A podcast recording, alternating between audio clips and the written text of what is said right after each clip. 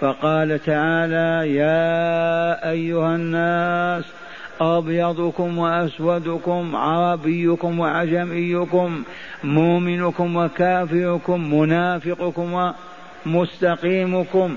إذ هذا اللفظ يشمل كل إنسان.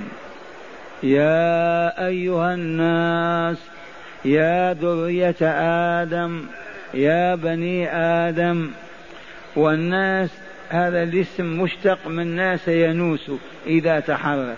وفي معنى الأنس وفي معنى النسيان والقرآن حمال الوجوه.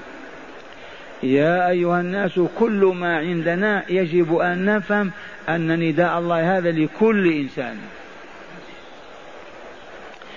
يناديهم لما؟ ليأمرهم أو لينهاهم.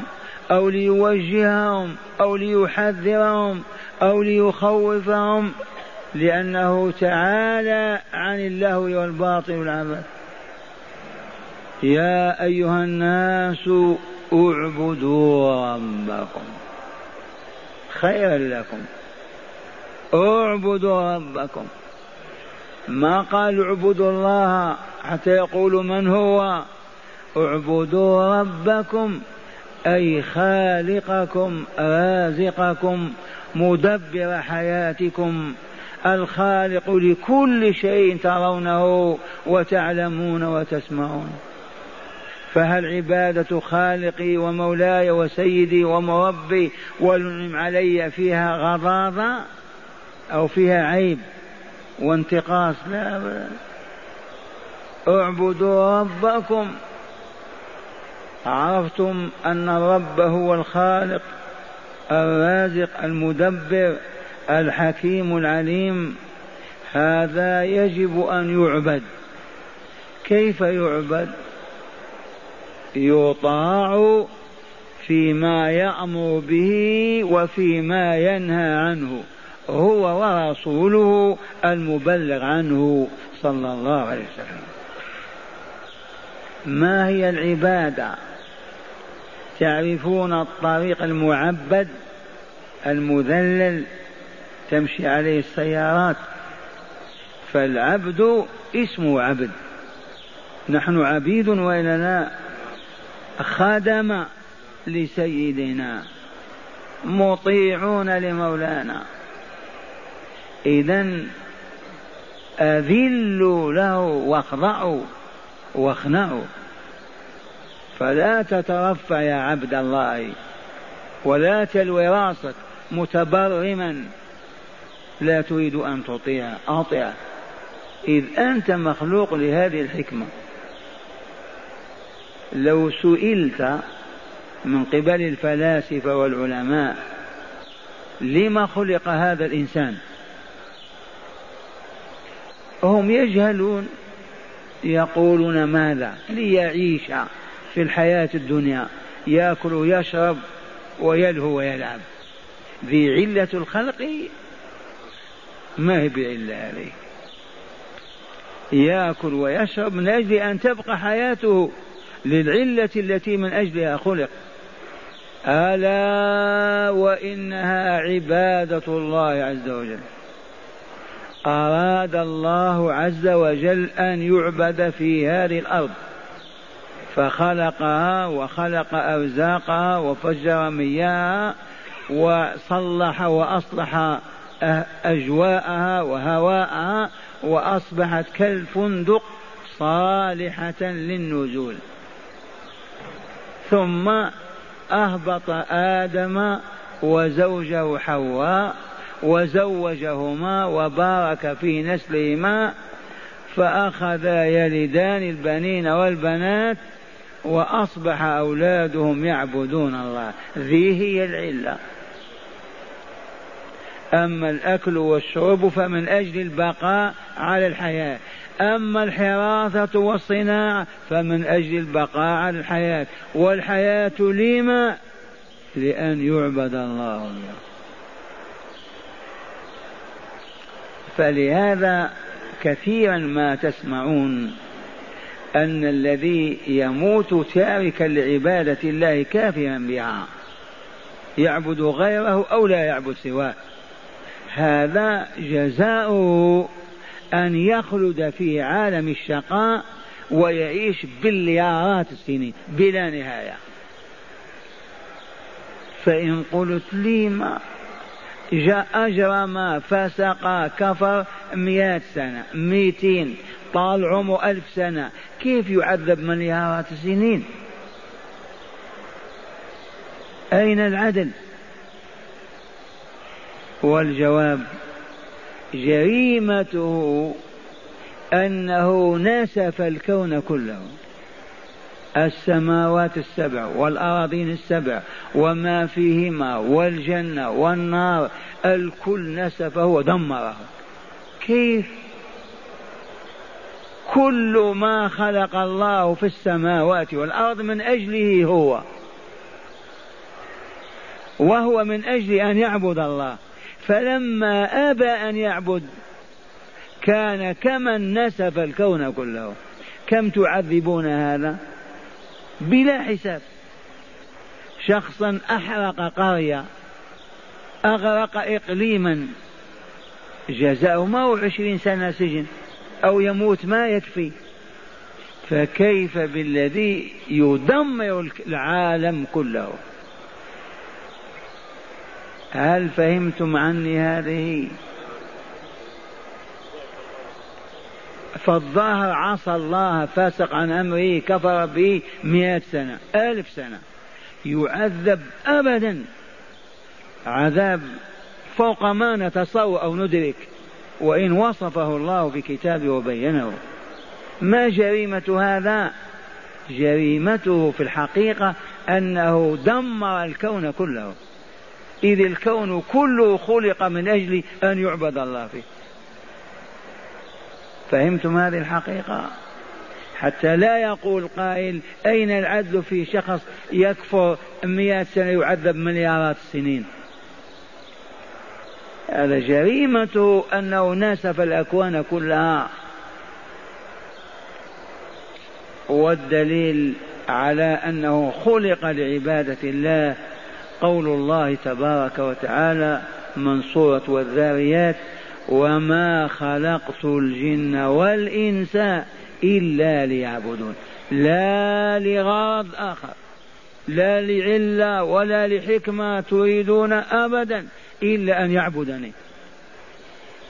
فإذا قال العبد لا أعبدك وأعبد عدوك كيف تجازون هذا المخلوق هذا؟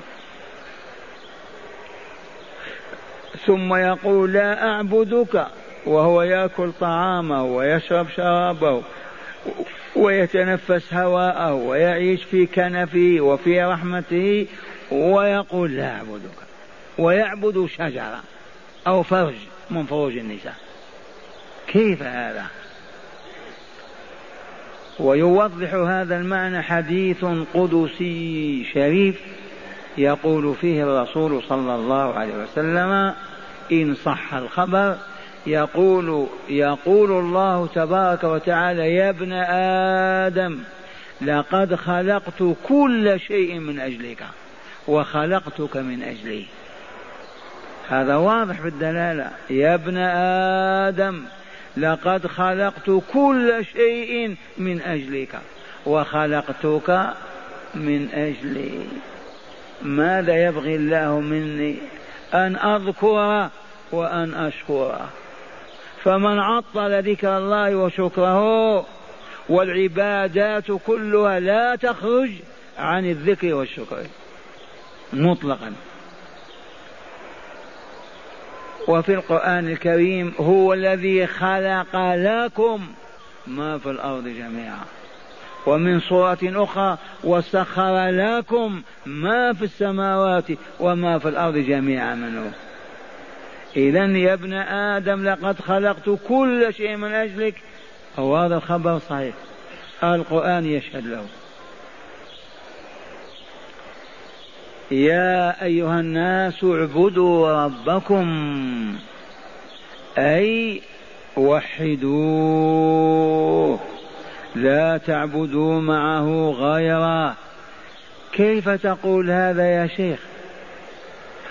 الجواب لما نزلت هذه الآية لا يوجد على الأرض من لا يؤمن بالله ويعبد. كل البشرية تؤمن بوجود خالقها ورازقها وربها ولكن تعبد معه غيره أو تركت عبادته وعبدت سواه. أما قانون البلاشفة لا إله هذه صناعة خبيثة يهودية وتبخرت وما عاشت أكثر من سبعين سنة. البشرية في كل عصورها بالفطرة بالغريزة تؤمن بالله موجود. لكن ما تعرف أسماءه ما تعرف كيف تعبده. فطلبت اللياذ بجانبه والحماية به فما عرفت زين لها الشيطان أصنام تماثيل الشمس القمر كذا هذه تشفع لكم عند الله. فعبدوا غيره. فلهذا إذا قال المفسر وما خلقت الجن والإنس إلا ليعبدوني أي ليوحدوني؟ لأن العبادة موجودة ولكن يعبدون معه غيره فالمطلوب هو أن يعبد وحده. ومن القرآن الكريم قول الله تعالى ولقد بعثنا في كل أمة رسولا. ما هذه الرسالة؟ أن يعبدوا الله واجتنبوا الطاغوت. ما الطاغوت ما عبد من غير الله سواء كان الشيطان أو كان صنما زين الشيطان عبادته. ولقد بعثنا في كل أمة. من القائل يرحمكم الله؟ الله. هل يتطرق إلى هذا الكلام النقص أو الخطأ؟ والله كما أخبر. ما كانت أمة على سطح هذه الأرض من ذرية آدم إلا بعث فيها رسولا يقول اعبدوا الله ولا تشركوا به شيئا. يا أيها الناس اعبدوا ربكم كيف نعبده؟ نطيعه في الأمر والنهي ونحن أذلاء خانعين خاضعين. لا كبرياء ولا ترفع ولا ولا. تسليم لله وطاعة. نطيع في الأمر نفعل. قال صلوا صلينا. قال صوموا صمنا قالوا اتركوا الزنا والربا تركنا.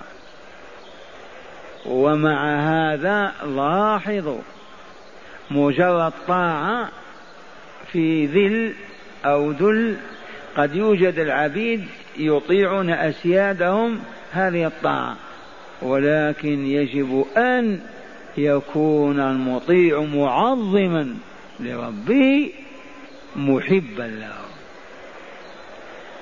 تطيع وأنت تكره ليست عبادة. تطيعه وأن تستهين به كما تطيع المرأة زوجها أو الزوج زوجته ما هي بعبادة. لا بد مع غاية الذل والتعظيم والحب. أطيعه افعل ما يأمرك. واجتنب ما ينهاك وأنت تحبه أعظم حب وتعظم أعظم تعظيم ومنكسر ذليل بين يديه. هذه العبادة. لو قال قائل أريد أن أعبد ربي كيف أصنع؟ نقول له اسأل أهل العلم عما يأمر الله به فافعله وعما ينهى عنه فاجتنبه. الباب مفتوح وأهل العلم موجودون واقرع الباب واسأل. ما الذي يحب ربي أن أفعله؟ يقول لك صلي. بعد فترة ما الذي يكره مولاي؟ يكره الكذب لا تكذب. ولا تزال تسأل وتعلم وتعمل حتى تصبح ولي الله. يا أيها الناس اعبدوا ربكم الذي خلقكم والذين من قبلكم. هل عيسى خلق شيئا أو والدته هل عزير خلق شيئا؟ هذا عند اليهود والنصارى. وعند ضلال المسلمين هل سيدي عبد القادر خلق شيئا؟ هل فاطمة أو الحسين خلق شيئا؟ هل البدوي من الذي خلق؟ الله. خلقنا. في منة عظيمة علينا. كنا غير موجودين منذ مئة سنة. ولا يوجد منكم واحد. وأوجدنا. هذا ما يحمد هذا ما يشكر ما يتملق إليه ما يتزلف ما يحب ولا يعظم. لو أن شخصا وهبك أصبعا فقط لحمدته طول دهرك. فكيف لو أصلح عينك وأصبحت تبصر؟ ومع هذا الشياطين ما تسمح لبني آدم أن يعرفوا ربهم حتى لا يعبدوه من أجل أن يساكنوهم ويعاشروهم في دار البوار في جهنم. لما ندخل النار ويدخلون الجنة؟ هذه قولة إبليس. إذا فهو الذي يضرب على القلوب حتى لا تتحرك. اعبدوا ربكم الذي خلقكم الذين من قبلكم. لم هذه العبادة يا ربي ما العلة؟ لعلكم تتقون. من أجل أن تتقوا العذاب والسخط والغضب من سيدكم ومولاكم الله جل جلاله. تعليل واضح. اعبدوا أطيعوا حتى تنجوا من عذابي. فإن الذين لا يعبدونه سيعذبهم حكم بهذا عبيد خليقة قضى بهذا. من أين لك أن تتكلم أنت أو ترد؟ إذا لعلكم لعل للترجي بالنسبة إلينا. ونحن نقول هذه الإعدادية من أجل أن تعدوا أنفسكم للنجاة من النار ومن غضب الجبار. ثم من أجل أن ينير قلوب العباد ويضيء نفوسهم ويطهرها اسمع ماذا قال؟ الذي جعل لكم الأرض فراشا. إذا غفلت أو أغمضت عينيك وقلت من هو الذي خلقني؟ الذي جعل لكم الأرض فراشا. هل علمتم أن البشرية في يوم من الأيام جاءت بفؤوسها ومعاولها وأفرشت الأرض وبسطتها. ممكن؟ من بسطها ومدها وجعلها كالفراش نم هنا وامشي هنا واجلس واقعد وقم. من فعل هذا؟ الله. ما عندك إلا أن تقول الله يا ابن آدم تقول جدي أبي سيدي فلان مولاي فلان. هذا كلام باطل يسخر منك. إذا قلت فلان من بسط هذا البسط؟ كالفراش. نم واجلس واقعد. بل واحرث وزرع وابني وأنشئ. جعل لكم أو له هو أو لغيركم لكم. اذا هذه وحدها تجعل نستحي من الله عز وجل. جعل لكم لا لغيركم فراشا والسماء بناء والسماء بناء. أنت تنظر هذه القبة ولا لا؟ هذه قبة. هذه ممسوكة بالعيدان أو الأخشاب. والسماء بنظام الجاذبية. السماء مبنية والكواكب معلقة فيها ملايين. لو يشاء الله عز وجل أن تنحل تلك العقود والأنظمة لحظة واحدة ولا حياة في الأرض. والسماء بنيناها وزيناها للناظرين. من رفع السماء؟ بنو فلان. البشرية في يوم من الأيام تعاونت وهي التي رفعت السماء. من صورة الحج في رفع السماء ولو شاء لا لأنزلها من يذكر الآية؟ و ويمسك السماء أن تقع على الأرض. الله أكبر. لا فض فوق. ويمسك السماء أن تقع على الأرض. إن الله بالناس لرؤوف رحيم. لو أن كوكب واحد ينزل احترق الكون كله. ويمسك السماء مخافة أو كراهة أن تقع الأرض. لو وقعت السماء انتهت الحياة. كل هذا ما يذكر ابن آدم. لأن الشياطين صارفة لقلبه عن مثل هذا الذكر. فلهذا أبعدوهم عن القرآن. الذي يسمع القرآن يذوب. ويمسك السماء أن تقع على الأرض. إن الله بالناس لرؤوف رحيم. وهو الذي أحياكم ثم يميتكم ثم يحييكم. الآيات في هذا ما أكثرها. يا أيها الناس اعبدوا ربكم الذي خلقكم والذين من قبلكم من الأمم والأجيال إلى آدم. كم عددهم؟ والله لا يعرف إلا الله. من خلقهم؟ الكل. الخالق هو الله جل جلاله.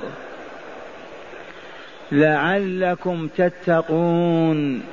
أي من أجل أن تتقوا سخط الله وعذابه لأنكم ضعف من يقوى على الاحتراق بالنار من يقوى على الغربة والبعد في ذلك العالم. إن أحدا بلغنا يوضع في تابوت من حديد فلا يسمع ولا يبصر ولا يأكل ولا يشرب ويلقى في ذلك العالم ملايين السنين السنين. وهو في عذاب. كيف؟ والله لو يتفكر المؤمن ويتصور الحقيقة قد يصعب قد يترك الطعام والشراب ويموت قائما يصلي.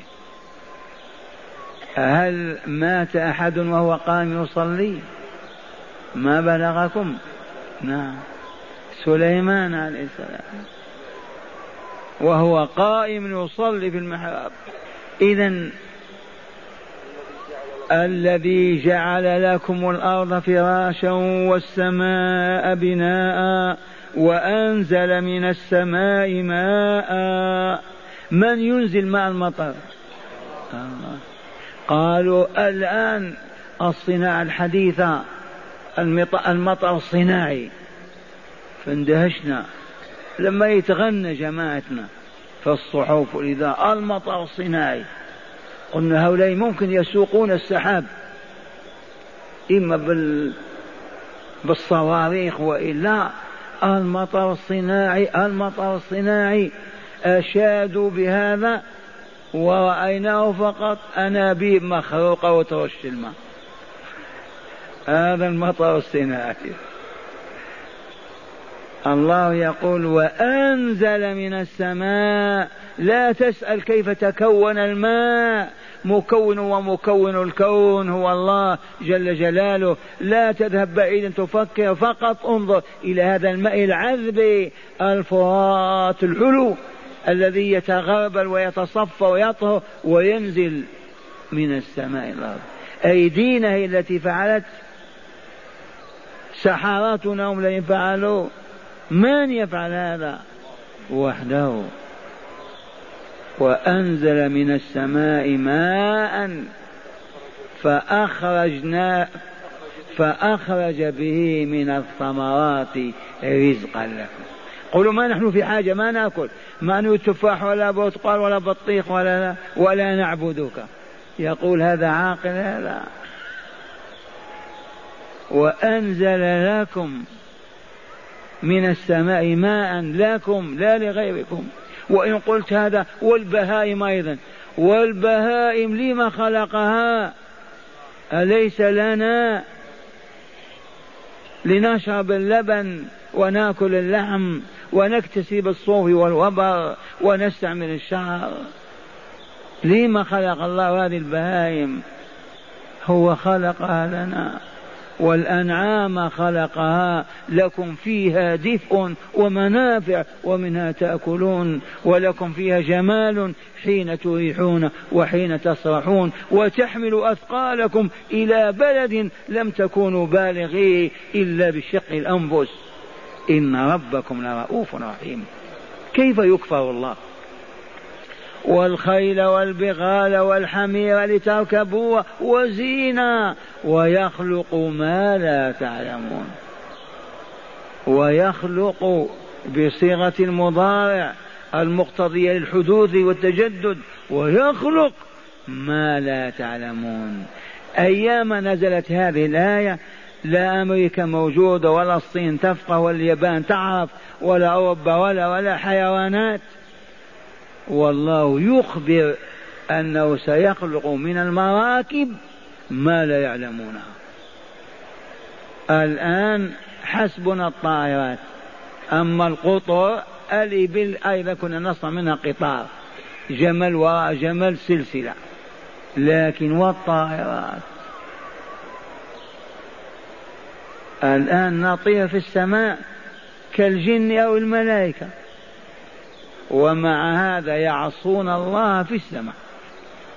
ويطيرون ويهبطون ولا يعرفون الحمد لله لا إله إلا الله. اذا الحمد لله طائراتنا نحن أهل هذه الديار فيها ذكر الله. على الأقل آه دعاء السفر. لا إله إلا الله. طائرات عرب يبيعون الخمر فيها. لا إله إلا الله. لولا حلم الله عز وجل ورحمته ولكنه حكيم عليم. يملي للظالم ولا يهمله. وإذا أخذه لم يفلته.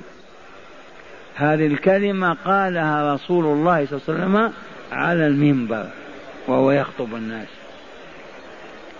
قرأ قول الله تعالى أولا قال إن الله لا يملي للظالم.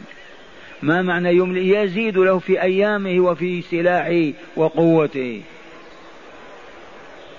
فإذا أخذه لم يفلته لم يفلته لم يفلته. ثم قرأ صلى الله عليه وسلم قول الله تعالى من سورة هود وكذلك أخذ ربك إذا أخذ القرى وهي ظالمة. إن أخذه أليم شديد. والمراد من القرى العواصم والحواضر. لا الاصطلاح الجغرافي الهابط. القرآن يريد بالقرية المدينة التي تجمع فيها الناس بكثرة. إذا الذي جعل لكم الأرض فراشا والسماء بناء وأنزل من السماء ماء فأخرج به من الثمرات رزقا لكم. البر الشعير الذرة التفاح العنب التمر. بسبب الماء وإلا لا؟ والماء من خلقه من أوجده من أنزله من فتح له قلوب الأرض حتى تداخلت معه وانفعلت وأوجدت هذه الزروع وهذه الأشجار والنخيل في من يقول غير الله؟ الملاحدة العور قالوا طبيعة وعرفناها كيف انمسخت. لا طبيعة ولا ضرورة ولا صدفة دي كلها تفاعلات شيطانية ممسوخة. كفروا بها.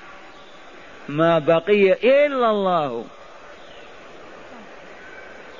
أضرب لكم مثلا. رجلان جميلان طويلان وقف أمام عبارة من ناطحات السحاب. أحدهما قال هذه بناها فلان بن فلان. المعمار الفلاني. والأخ قال أنت مجنون. هذه خلقت هكذا موجودة. كيف مبنية؟ هذه ما بنى أحد. تكذب أنت. أنت شاهدت حضرت معهم. سمعتم المثالين. ما تقول في هذا الرجل؟ يستحق الحياة هذا؟ عمارة ناطحة يقول لا لا لا هذه موجودة من نفسها. لما أقول أنا يا م... يا يا هذا هذه مبنية وبناها وبنى يقول أنت حاضر؟ يقول لا أنا ماني حاضر. أنت شاهدت من قال؟ يقول لا. إذا كيف تقول؟ هذا مثال المؤمن والملحد. فالإلحاد هابط وانتهى. إذا بناء على ما سمعتم أيها الناس فلا تجعلوا لله أندادا وأنتم تعلمون. ذي هي الفذلكة أعيد البيان. يا أيها الناس اعبدوا ربكم الذي خلقكم والذين من قبلكم لعلكم تتقون. لصالحكم هذه العبادة. لصالحنا وإلا لا. والله العظيم. ما شرع الله عبادة لعباده إلا من أجل إكمالهم وإسعادهم من أجل غناهم وإعزازهم ومن أجل صحتهم ومن أجل رفاهيتهم ومن أجل طهارتهم وصفاهم. لا تفهم أن الله يأمر بأمر أو ينهى بدون ما يحقق ذلك الأمر للعبد مصلحة وفائدة. أو ينهى عن شيء بدون ما يدفع عنه ضرر ولا مرض. والله ما كان.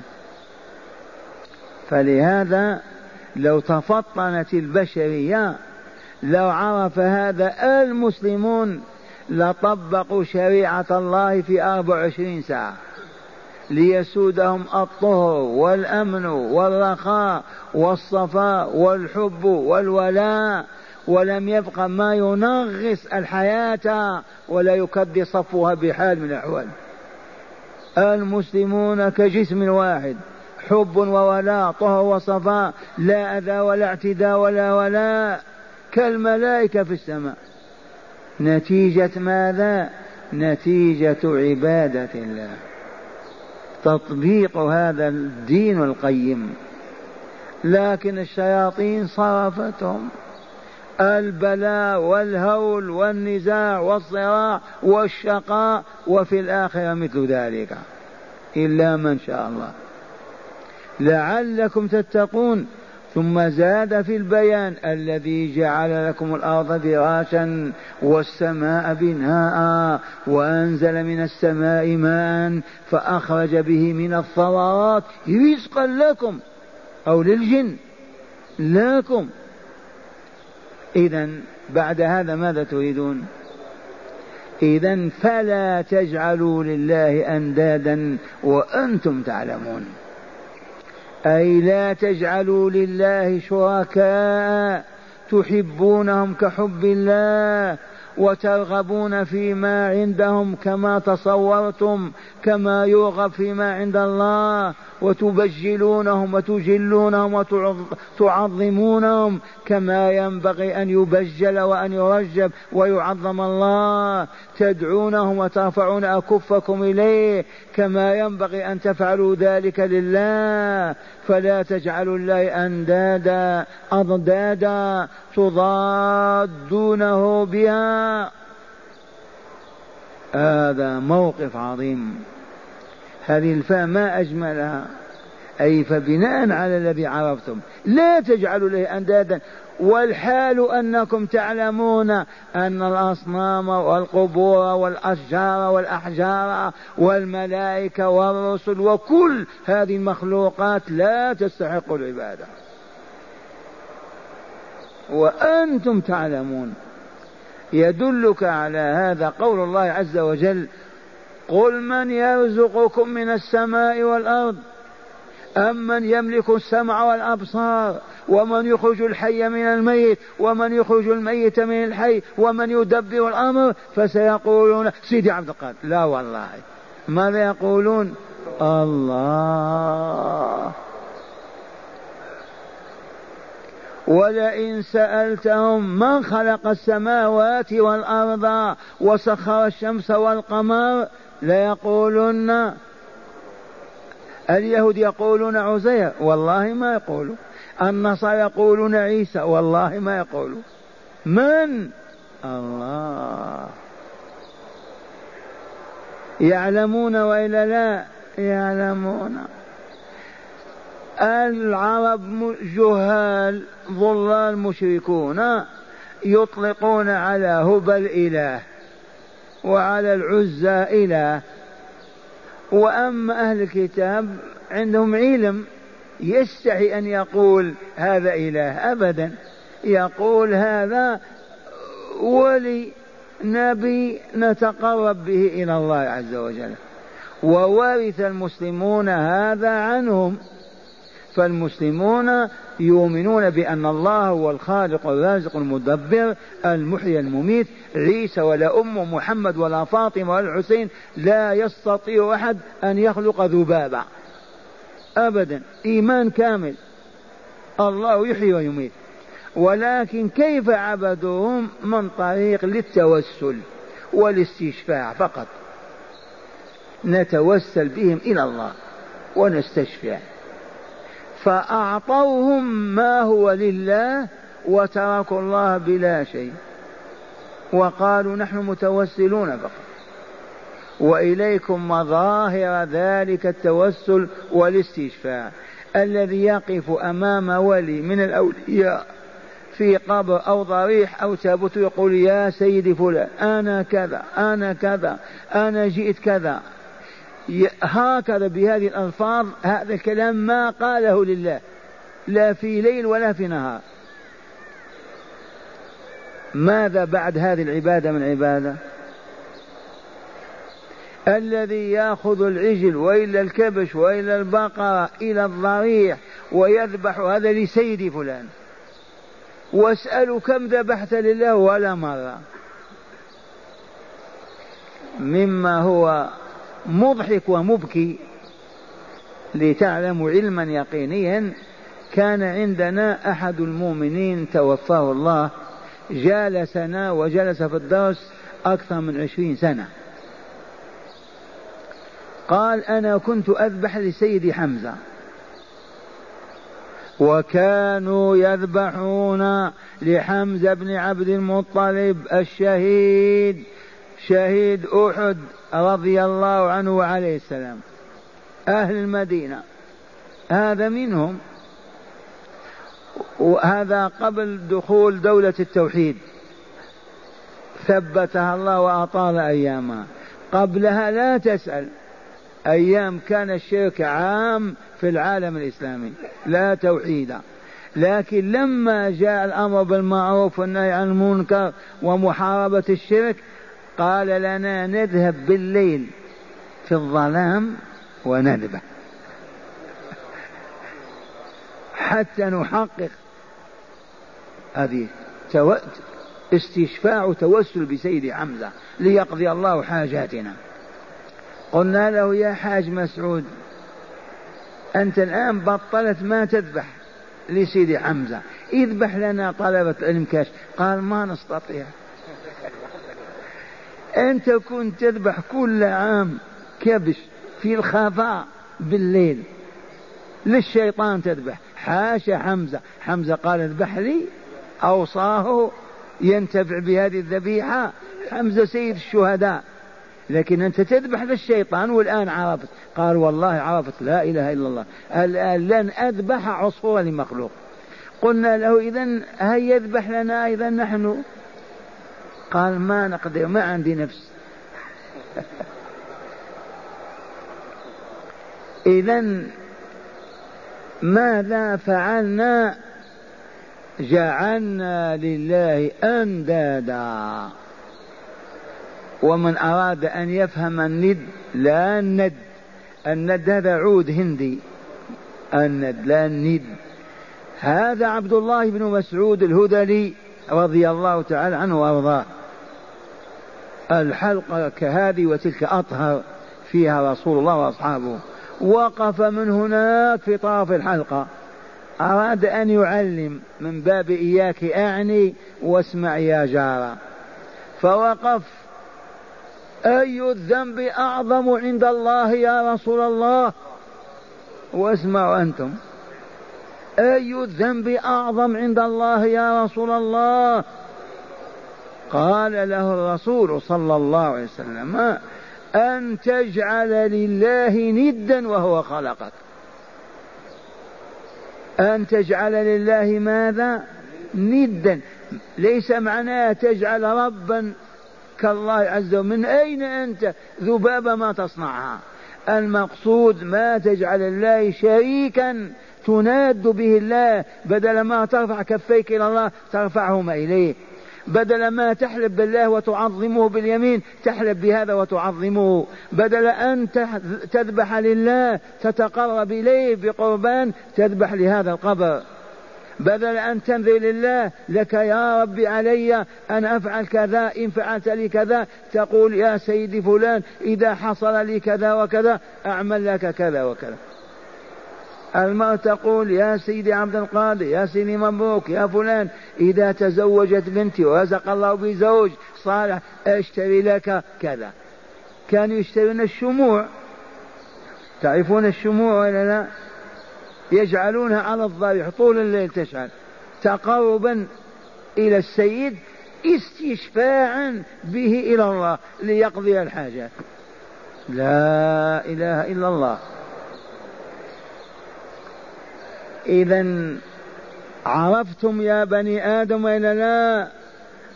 يا أيها الناس اعبدوا ربكم الذي خلقكم الذين من قبلكم لعلكم تتقون البلاء والشقاء والعذاب الأبدي في الآخرة وعذاب الدنيا. اعبدوا من؟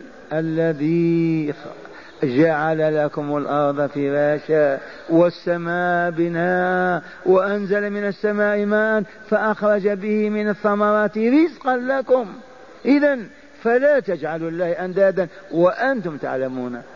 لو قلت لمن يعبد البدوي البدوي خلق رزق يحيي. لا لا لا لا. هذا مخلوق. إذا لم تعبده؟ استشفع به أتوسل. أصبحوا يعلمون وإلا لا؟ وأنتم تعلمون. أنهم لا يخلقون ولا يرزقون ولا يحيون ولا يميتون ولا يعزون ولا يذلون ولا يعطون ولا يمنعون أموات غير أحياء وما يشعرون. ما الذي جعل هذه الأمة تقع في هذا الضلال لأنهم خدعوهم وقالوا لهم القرآن لا يفسر. الذي يفسر القرآن إذا أصاب أخطأ وإذا أخطأ كفر. صوابه خطأ وخطأ كفر. إذا ماذا نصنع بالقرآن؟ يقرأه على الموتى. فقط من أندونيسيا إلى موريتانيا إذا مات الميت يأتون بالطلبة يقرؤون عليه. إذا كان غنيا طول الليل لكن ألف ألف ريال. حتى في سوريا فيه مكتب يسمى نقابة. تعرفون النقابة ولا؟ في مكتب بالتليفون إذا توفي لك أبوك أخوك زوجتك دق التليفون. نريد طلب الليلة عندنا وفاة. يقول من أصحاب مئة ليرة وإلا خمسين؟ يعني هذا الميت غني وإلا فقير؟ إذا كان فقير خمسين ليرة. هذا مثال يعني. ثباتم أما الواقع والله كما تعرفون. القرآن لا يقرأ إلا على الموتى. ما يجتمع اثنان قط يقول له سمعني كلام ربي.